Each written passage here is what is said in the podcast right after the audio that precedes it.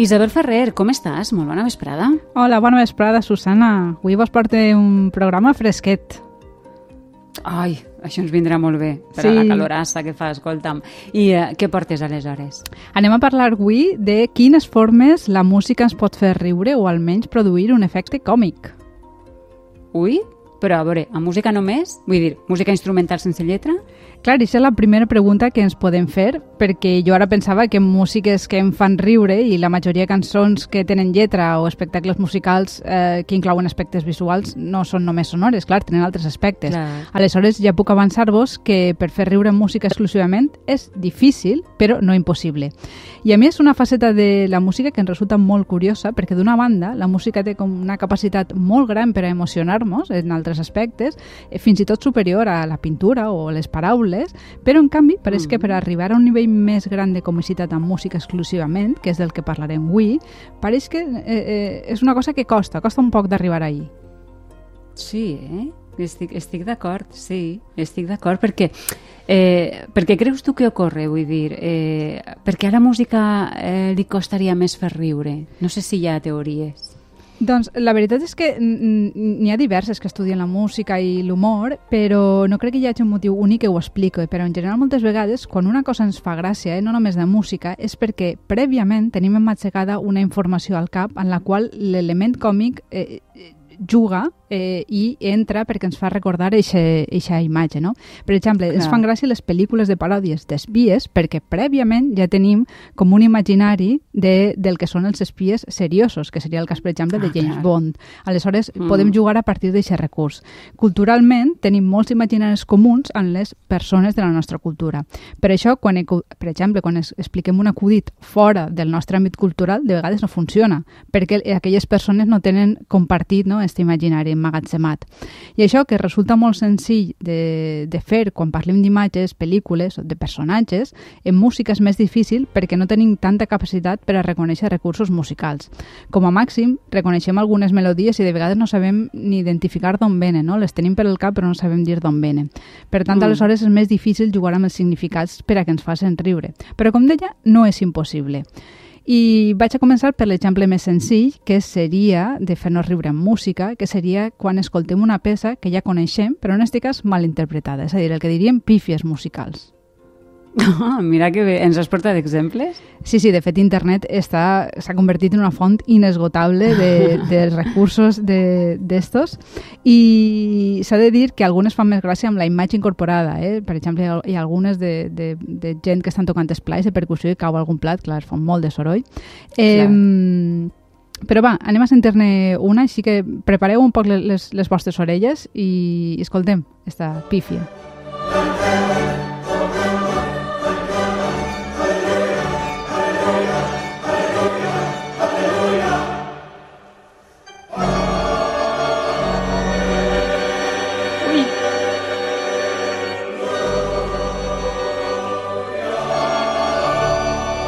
Bueno, ja esteu sentint que l'organista no tenia el seu dia. De fet, és, és, no sé si fins i tot està fet expressament perquè realment... Està, sí, perquè és molt heavy, no? És molt heavy l'error, sí, sí. Però de fet, si està penjat en YouTube és perquè produeix un cert efecte còmic i més amb el caràcter tan triomfal que té aquesta música.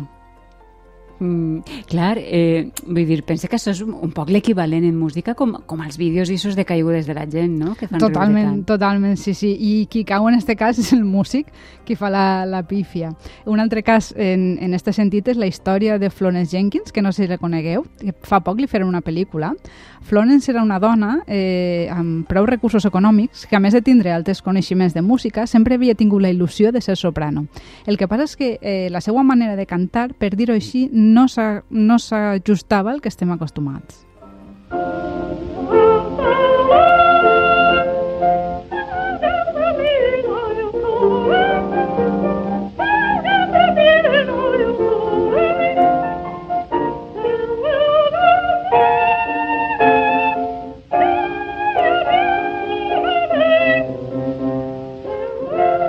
Ja esteu escoltant que la següent interpretació de Mozart és molt sui generis i que, clar, produeix un efecte còmic, és impossible no, que no ho passa. No riure, efectivament. Sí. I hem d'advertir, a veure, si algú s'acaba d'incorporar al programa, que estem parlant de música i humor, eh? Vull dir, perquè l'humor descontextualitzat també produeix estupefacció, sorpresa, no? Sí, l'humor juga moltíssim a les expectatives i amb el context. De fet, són recursos que també s'utilitzen en música per a crear comicitat. Per exemple, la gent que està més avessada a escoltar música clàssica sap quins efectes sonors empren els compositors per a finalitzar les peces, que solen ser a vegades molt, com molt pomposos. Eh?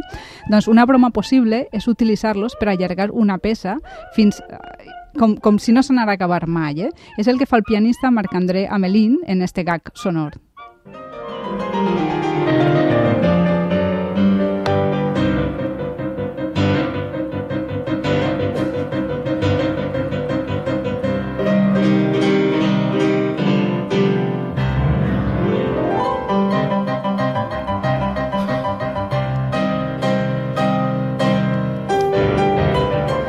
I així encara està un parell de minuts més, que si voleu buscar-lo per internet segur que, que passareu un, una bona estona, perquè a més està en la gestualitat d'acabar molta estona. No? D'acabar, no? Sí, sí, sí, sí. Jo pensava que això eh, és una cosa eh, que els grups de, de música pop o rock també fan en, en els concerts, no? Quan acaben l'última cançó de l'espectacle, que estan ahí vinga estona, vinga estona. Efectivament. I veig que també, sí. És un recurs molt amable que, com la resta d'efectes musicals, no arriba a ser hilarant, però funciona amb un somriure. Mm, és el que dèiem, no?, que juga amb les nostres expectatives. Sí, sí, és un dels recursos típics, com també ho és l'exageració, eh, que també és el que està fent el pianista. Quan exagerem una mm. cosa, produïm un efecte paròdic, o fins i tot grotesc, que podríem dir, que ens fa riure. És el que passa també amb les caricatures, per crear un símil gràfic. I en música, eh, en, en, en això d'exagerar, de, vos he portat un exemple d'una interpretació paròdica d'una cançó molt coneguda que ara escoltarem, interpretada per un... encara està el pianista, per un sí, trompetista fictici el, que el que fa és exagerar la manera de, de tocar. Per exemple, quan les notes han de ser curtes i directes, ho exagera molt. Quan ha de tocar fort, ho fa molt fort. Quan van cap a sons més aguts, ho fa com més forçat. Eh? Ara l'escoltem i m'entendreu el que vull dir.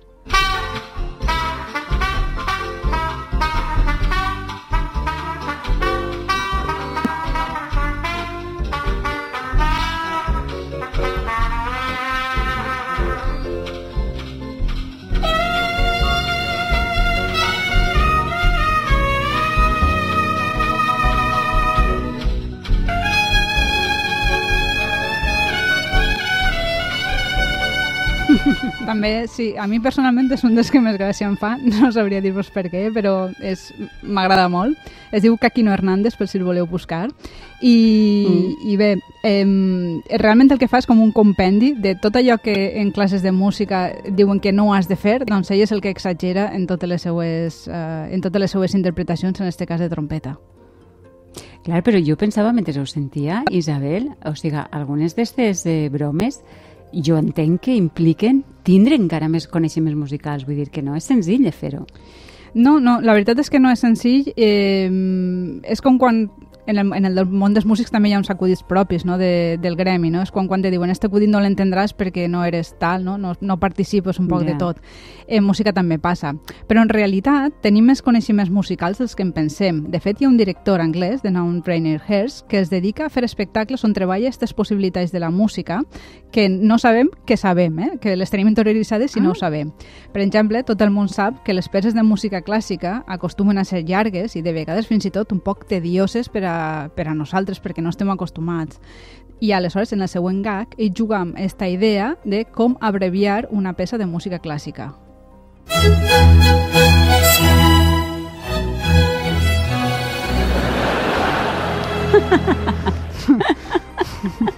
Escolta'm, sí que anar de pressa, clar, és un bon mètode, però no sé si als compositors o compositores eh, i la idea d'acurtar les peces els agradarà. Home, després de tota la feina probablement no, clar. però sí que hi ha peces que s'han com compost cercant un efecte còmic, els compositors ho han fet i no és, no és este el cas, però n'hi ha de dos tipus. Unes són aquelles pensades per a escoltar-les i que qui l'ha composada vol que ens faça gràcia. Aleshores, per ajudar-nos, ja ens indica en el nom de la peça que és una broma. Hi ha moltes d'aquestes peces que es diuen humorada, masquerada, scherzo, que en italià vol dir broma, i un llarg, etc. En l'àmbit valencià, una de molt coneguda és la marxa burlesca de Manuel Palau, que segur que l'heu escoltada més d'un concert.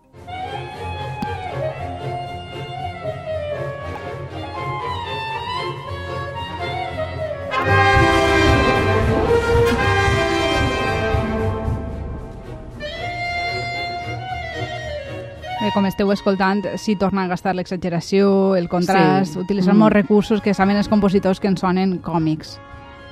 Mm. Però eh, mm, creus que algunes d'aquestes músiques, si no t'ho diuen, eh, podria ser que, que no saberes que són còmiques? És molt possible, sí. Potser escoltaríem algun efecte, com els que estem sentint, però, però probablement no ho sabríem. Però de, podria ser també que sí, no? De la mateixa manera que hi ha músiques que hem après que ens sonen com orientals o aflamencades, i altres Sí, de les sí. músiques que ens sonen còmiques. I crec que també és perquè el cinema ha col·laborat en, en acompanyar amb algunes músiques situacions còmiques o situacions de persecució un poc còmiques que el nostre imaginari ha anat associant. És el cas d'esta cançó de Herbert eh, Alpert que s'anomena Spanish Flea.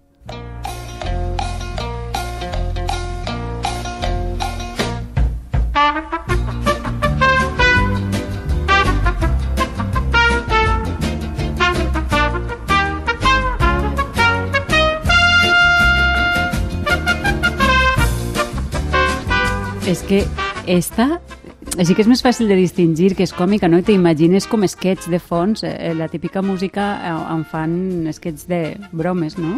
Sí, perquè com vos deia a l'inici, quan hi ha contingut extern a la música, és molt més senzill eh, que la situació musical ens faça gràcia, no? que la música participe d'este gag no? en imatges, en paraules. De fet, les noves tecnologies ens ofereixen moltes possibilitats en aquest sentit. I una d'elles és la possibilitat de fer memes musicals. Un de molt comú són els mashups, és a dir, mescles de cançons Ah. eh, fetes, Mm. no? de vegades per a crear noves músiques, però d'altres cercant un efecte còmic.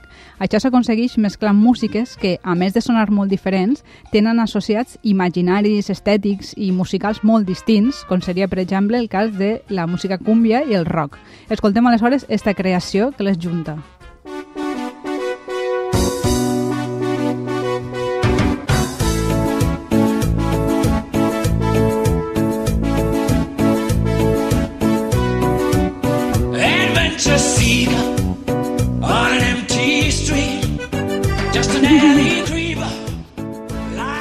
Light on his Escolta, no sabem eh, si Freddie Mercury s'imaginava cantant una cúmbia, però, però l'efecte està graciós, la veritat és que sí. Quina gràcia, de, de... No, no ens havíem parat a, a pensar en això, eh? en, en estos dies, de, de em sona molt i és eh, supercuriós. És un tema molt interessant i ens hem deixat tot Sí. l'apartat que porta lletra, eh? que avui només hem vist la part instrumental. Deixem per un altre dia eh, altre tipus de paraules. guardem, efectivament, per a la pròxima temporada, quan siga que ens trobem, que siga ben aviat. Isabel, moltíssimes gràcies eh, per fer-nos eh, sonar, sentir i, i doncs això, gaudir de, de la música, de tot el seu significat i el seu rerefons. Una abraçada forta i molt bon estiu. Gràcies a vosaltres, Susana. Molt bon estiu. Adeu. Adeu.